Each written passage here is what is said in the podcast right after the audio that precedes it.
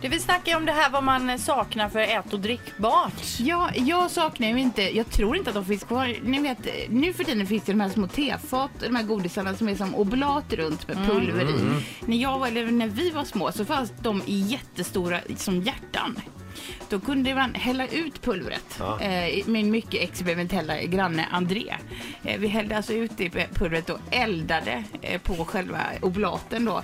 Eh, och åt upp pulvret. Lunta som Lunta, du säger. ja. Men alltså Anna, på riktigt, saknar du det? Yes. Ja, men alltså jag äter, köper alltid sånt. De finns ju på typ Ja. Mm. ica konto de här små ehm, eh, tefaten Ja. fortfarande. Jag tycker de är svingoda. Jaha. Det är det Men du godaste, sakn- godaste godiset. Och Du saknar att lunta lite sådana på en fredagkväll. Ja, för att de är för små och elda de här. Och de är ju goda när de har fått lite värme på sig. För det hade måste jag varit säga. nice att du går in till grannen, din granne idag, ringer på, ska du med ut och lunta? Ja, Ja, vad precis. kul. det lunta hade Anna här. varit grymt. Pippi, finns det någonting du saknar? Ja, faktiskt. Det fanns ju en glass som hette GB Toffé med en eh, sörja i eh, som var kletig och god där.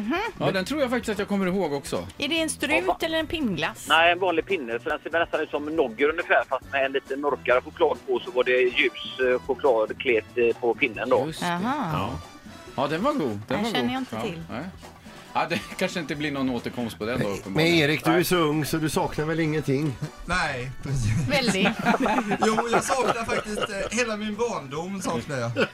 Ja. Den kan vi inte ge dig. Och då, vill jag, då har jag två grejer jag vill lyfta fram i barndomen. Det ena var när man gick ut i, i, till, i, i laggården där, där korna har mjölkat. I direkt ur tanken tappa upp sig en liten plastmugg man hade där. Och Är drack det spenen mjölk. du menar? Nej, inte spenen utan vi har ju mjölkat kon. Det åker vidare till en tank och där tankar man upp sin egen mjölk och dricker. Och där är den fortfarande spenvarm va? Ja, lite småljummen är det. Men har du druckit direkt från spenen Ja, vi har någon druckit gång? spenvarm mjölk. Inte direkt från spenen, Linda.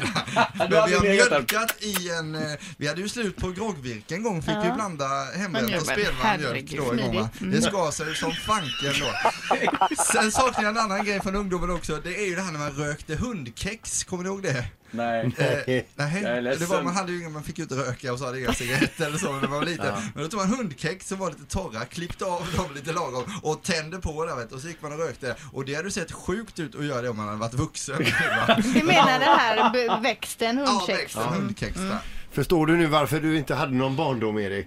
Du Nej. rökte bort den. Jo, det hade- inte kommer ihåg den, kanske framför allt. Jaså, var det så kanske? Ja, ja. ja, jag saknar min barndom i alla fall.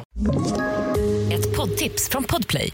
I podden Något Kaiko garanterar östgötarna Brutti och jag, Davva, dig en stor dos skratt.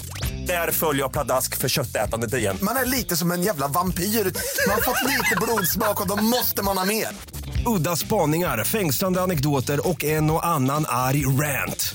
Jag måste ha mitt kaffe på morgonen för annars är jag ingen trevlig människa. Då är du ingen trevlig människa, punkt. Något Kaiko, hör du på Podplay. Därför arkadeinerna.